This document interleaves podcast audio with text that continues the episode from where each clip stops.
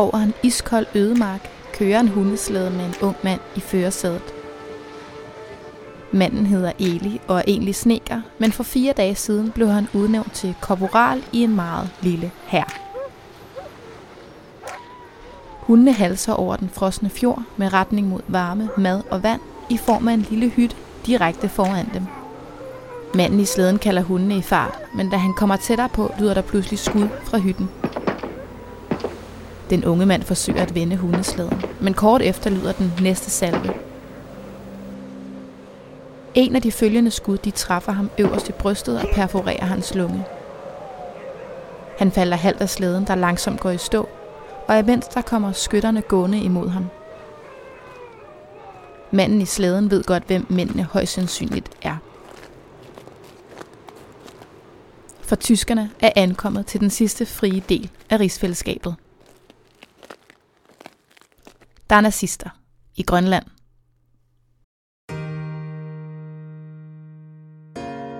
Hej, mit navn er Sofie, og du lytter til Historier fra Historien. En podcast om alle de virkelige og voldsomme begivenheder fra vores fælles fortid, som du måske ikke er blevet fortalt endnu. I dag vil jeg gerne fortælle dig historien om dengang nazisterne ankom til Grønland. Og en historie om en meget lille og meget improviseret her. Lyt med og husk for guds skyld at høre efter, for dem der ikke husker historien, er dømt til at gentage den.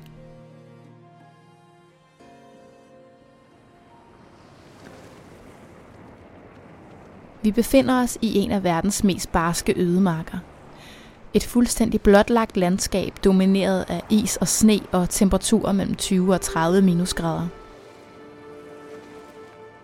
Vi er i Nordøstgrønland 1943. Den eneste frie del af rigsfællesskabet. Danmark er besat.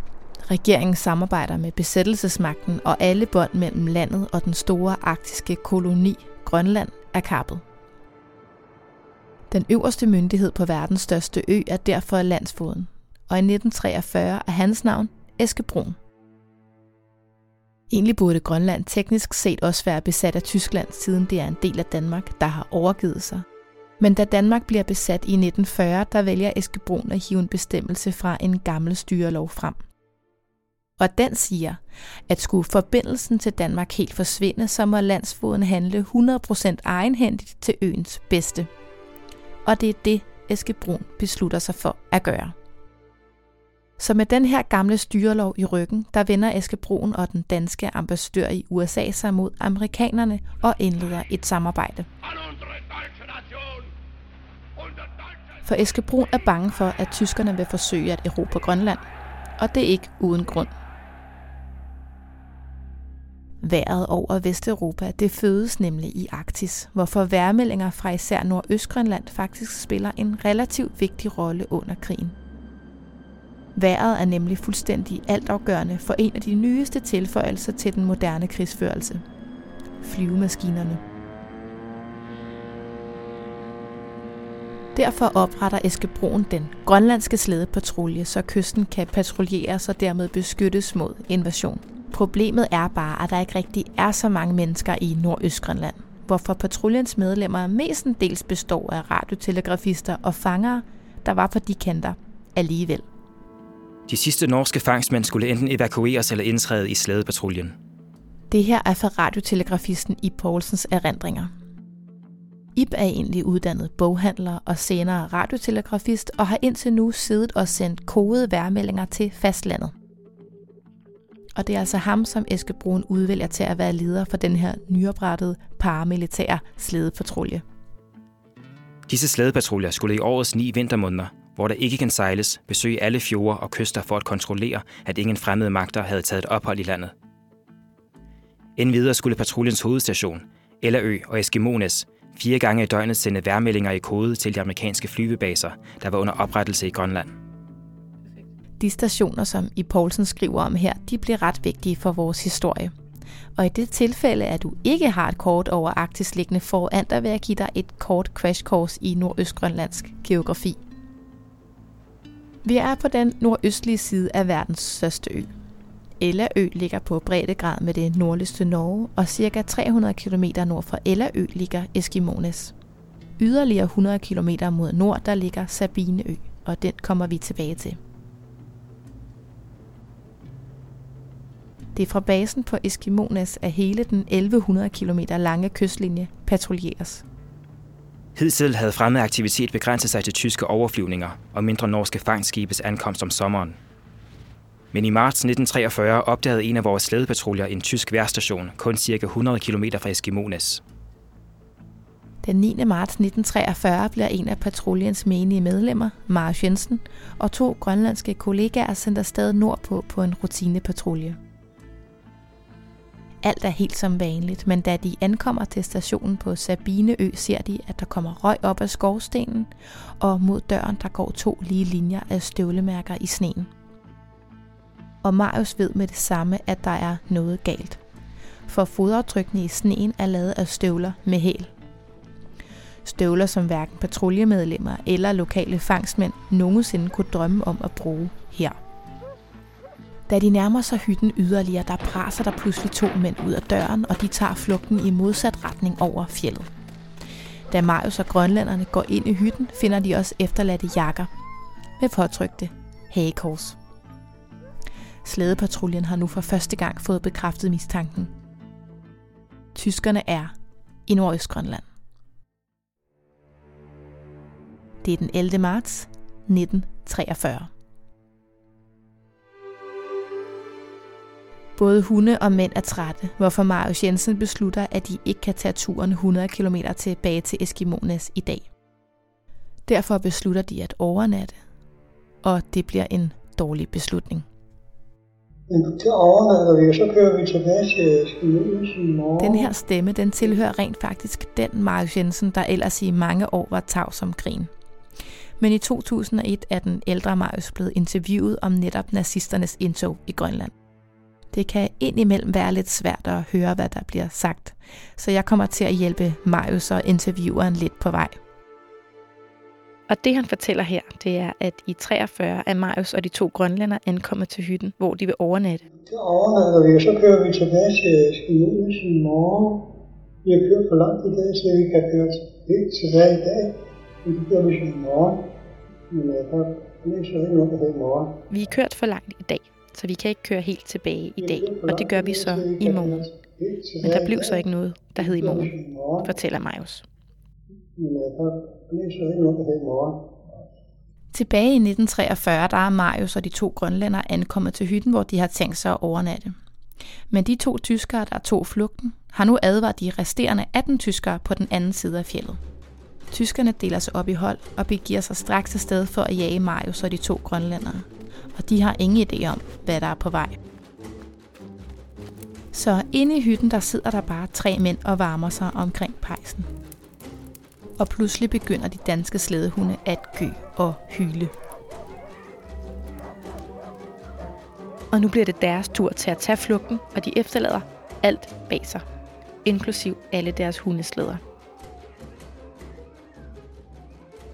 Fra hytten, hvor de valgte at sove, er der cirka 100 km tilbage til Eskimonas. Og danskerne, der jo er uden slæde, er derfor nødt til at gå hele vejen i minus 20 grader. Turen klares på halvandet døgn. I Eskimonas, der venter blandt andre lederen af slædepatruljen i Poulsen og en ung mand ved navn Kurt Olsen. Kurt Olsen skrev dagbog, mens han var i slædepatruljen, og den dagbog har vi faktisk stadigvæk i dag. Marius skulle efter sine have råbt, Tysker! Tyskere på Sabineø! så snart han er inden for hørevide. Og det bringer minderne frem hos Kurt. Minderne fra 9. april og dagene derefter begyndte at strømme ind på mig, og forklaringen viste sig at være den samme. Tyskerne ligger bare 100 km herfra. Vi ved ikke, hvor mange de er, og de er tilsyneladende godt udstyret. skriver Kurt Olsen den 13. marts i sin dagbog.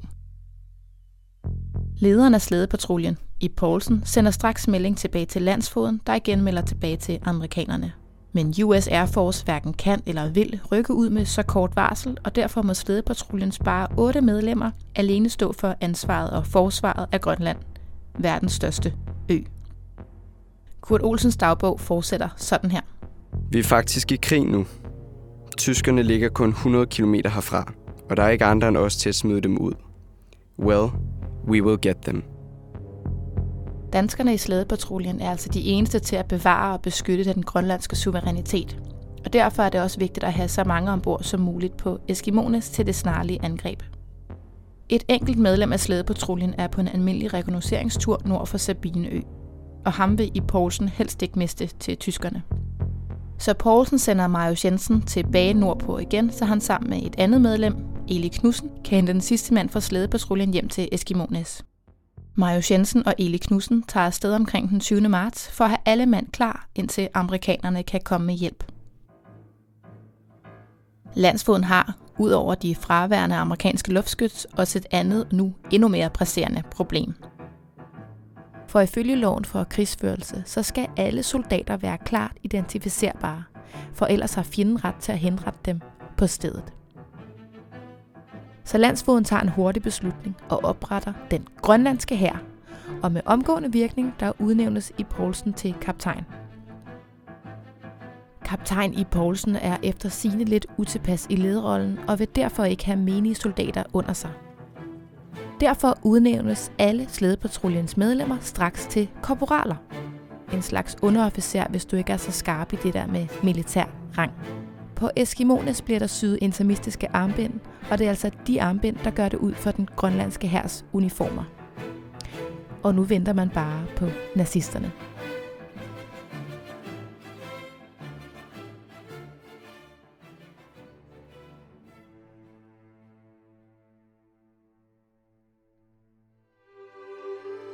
Fordi Marius og de to grønlændere flygtede over hals og hoved fra hytten på Sabineø, efterlod de også alt tilbage. Så tyskerne får sig en dejlig overraskelse, da de finder både kaffe, cigaretter og marmelade.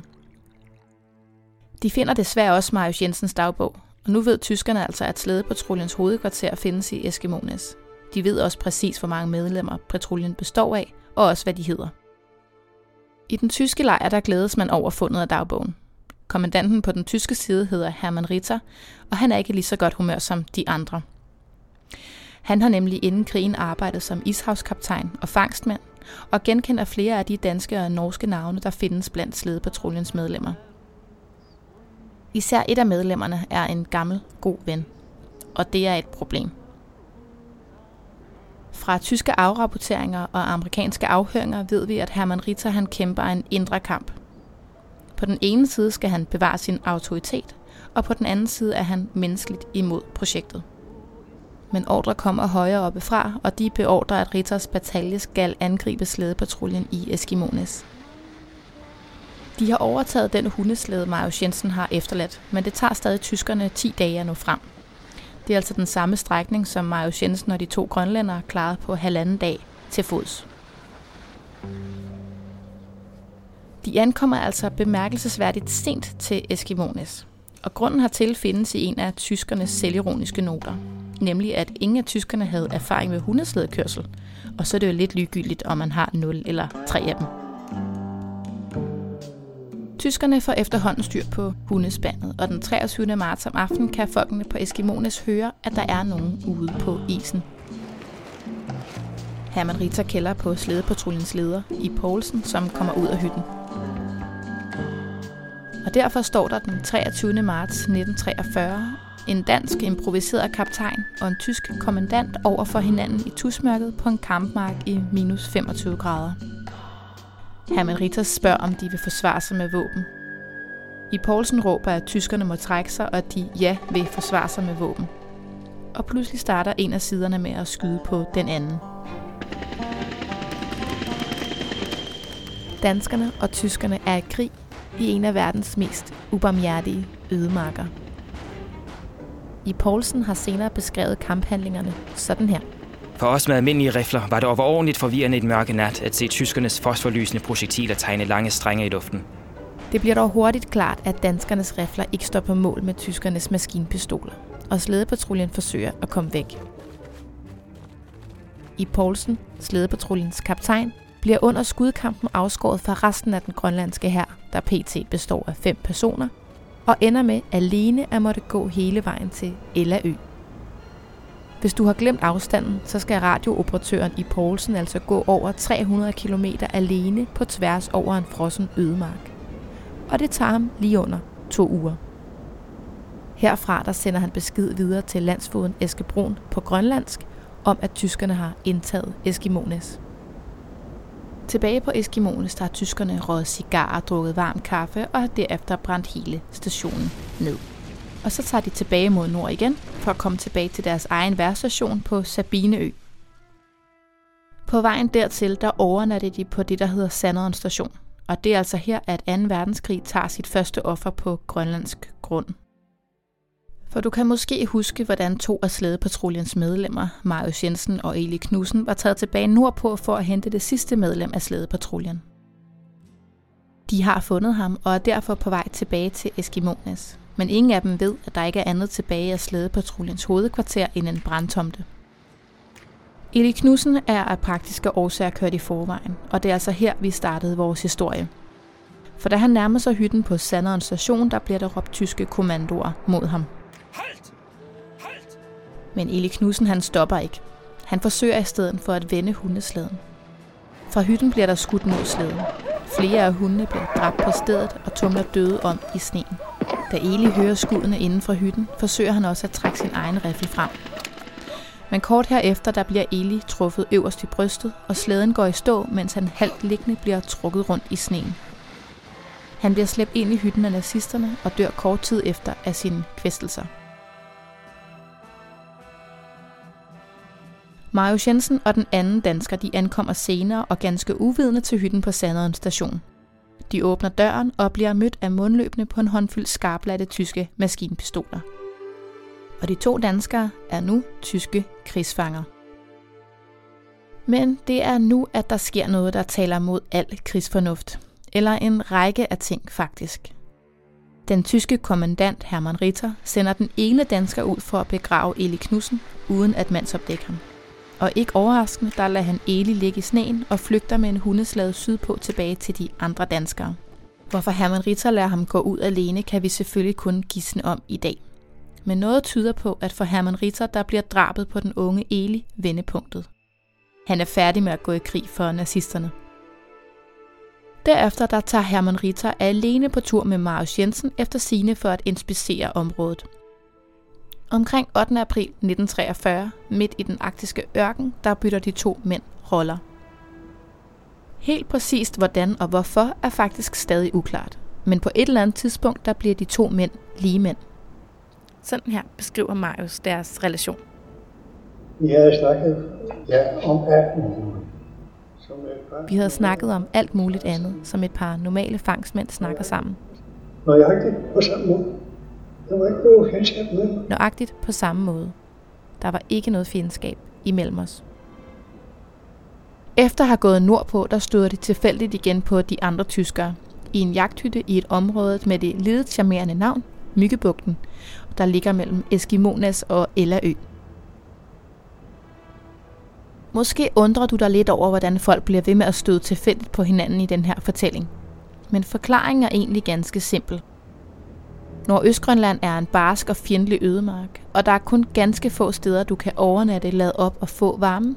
Og derfor må folk altid stoppe ind de samme steder, ligesom busstopsteder på en langtursrute. Marius Jensen, Hermann Ritter og de andre tyskere står nu altså midt i den grønlandske tundra, og tyskerne beder om ruteanvisninger til Ella Ø, hvor de sidste danskere altså befinder sig. Man kunne godt forestille sig, at tyskerne ikke har været helt sikre på, at de kan stole på deres danske krigsfange, men de har ikke så mange andre at spørge. Desuden tror de andre tyskere jo, at de kommer tilbage til Marius, og at de derfor kan straffe ham, hvis han leder dem på vildspor. Og selvom Marius faktisk giver korrekte ruteanvisninger til Ellerø, så udnytter han også samtidig sit indgående kendskab til Grønlands geografi til sin egen fordel. Ja, vi kører så over sletten, ja. hvor jeg regner ja, ja. at for ja, der har jeg været. Ja, men de kørte så over sletten, hvor jeg havde regnet med, at der, fordi der har jeg jo været to gange. Hvordan var føret der? Dumt. Der var masser af sne. Ja, ja. Der var masser af sne. Det var fordi, du vidste, der var meget sne. Ja, for jeg havde selv det. Marius han sender altså den tyske bastion afsted hen over sletten, hvor sneen er tung og massiv, i stedet for langs kysten, hvor isen er både mindre og tættere. Og han ved, at det vil forlænge deres tur med flere dage. Og så snart de var ude af syne, så siger jeg nu. Og så langt de var ude af syne, så siger jeg til Ritter, at nu må du indstille dig på, at jeg kører en tur for mig selv. Det var der ikke noget at gøre ved. Så ville du stå fast ud i slæde. Men han kunne også en pistol derinde. Hans riffel lå suret fast ude på min slæde. Han havde godt nok sin pistol derinde, men den gik jeg hen og tog, for at det nu ikke skulle komme i Ja. gale hænder. Og så kørte jeg af det eller Hvordan reagerede han på det? Ja, og så kørte jeg af yderkysten til Elleø. Hvordan reagerede han på det? Fuldstændig roligt. Som hvis det er, jeg var en kammerat, der rejste sådan afsted. På det tidspunkt, der var han altså faktisk besluttet på, at han ville væk. Han ville ikke tilbage til Tyskland. Det var jeg da klar over. Han ville ikke tilbage til Tyskland i hvert fald. Det var jeg da klar over.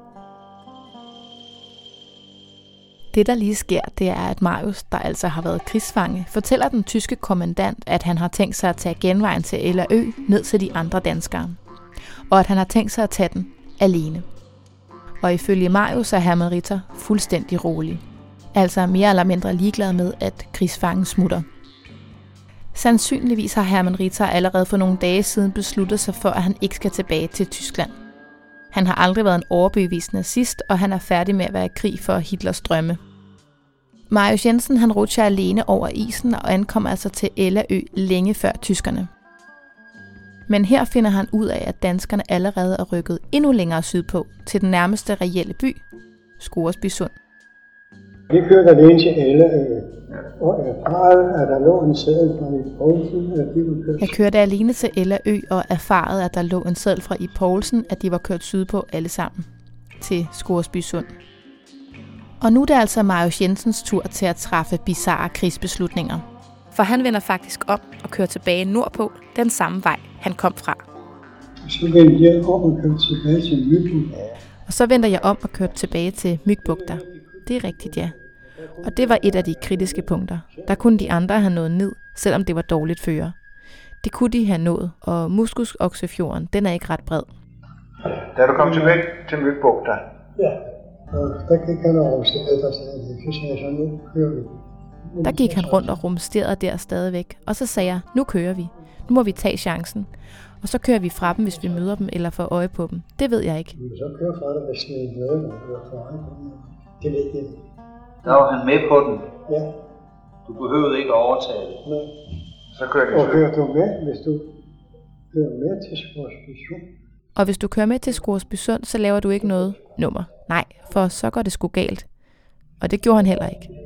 Det gjorde han heller ikke. Det. Marius Jensen tager altså turen tilbage for at hente Hermann Ritter, så de to sammen kan tage tilbage til Scoresbysund. Hvis ikke Marius var vendt om, så var Hermann Ritter sultet ihjel. De to mænd har nu hver især reddet hinandens liv på tværs af grænsen mellem den tyske besætter og den danske besatte. Kapo? Kapo? Ja. Det var derude, han stoppede. Ja. Nu er krigen slut for mig. Ja. Det var den så. Cap Hope, det var derude, han stoppede. Og så sagde han, nu er krigen slut for mig, og det var den også. Tog han så sine distinktioner af, eller havde han distinktioner på? Jeg synes, jeg har hørt noget om det. Ja, ja, han rev sin øh, ordensmærke også. Han rev sine ordensmærker og så videre af.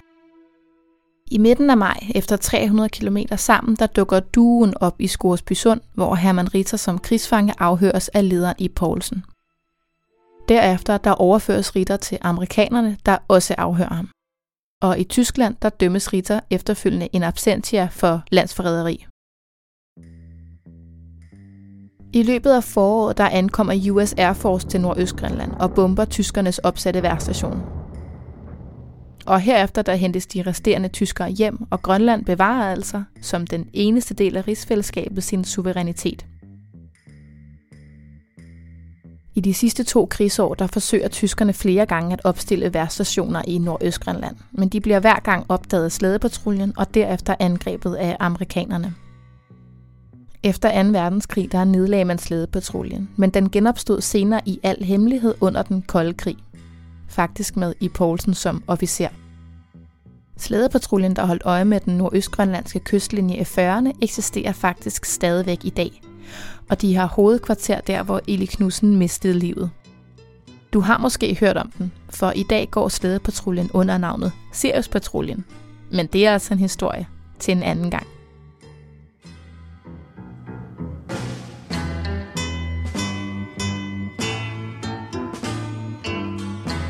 Du har lyttet til historier fra historien. Redaktionen består af mig, Sofie Ol Winkler og Oscar K. Bundgaard. Stemmespil er udført af Karim Tejlgaard og Jakob Brahe. Historier fra historien er produceret i samarbejde med Radio Loud. Tak til Arktisk Institut for at give os adgang til Marius Jensens interview, Kurt Olsens dagbog og I Poulsens rapporter. Der blev desuden læst citater op fra Grønlandsposten. Tak fordi du lyttede med. Jeg håber inderligt, at vi høres ved.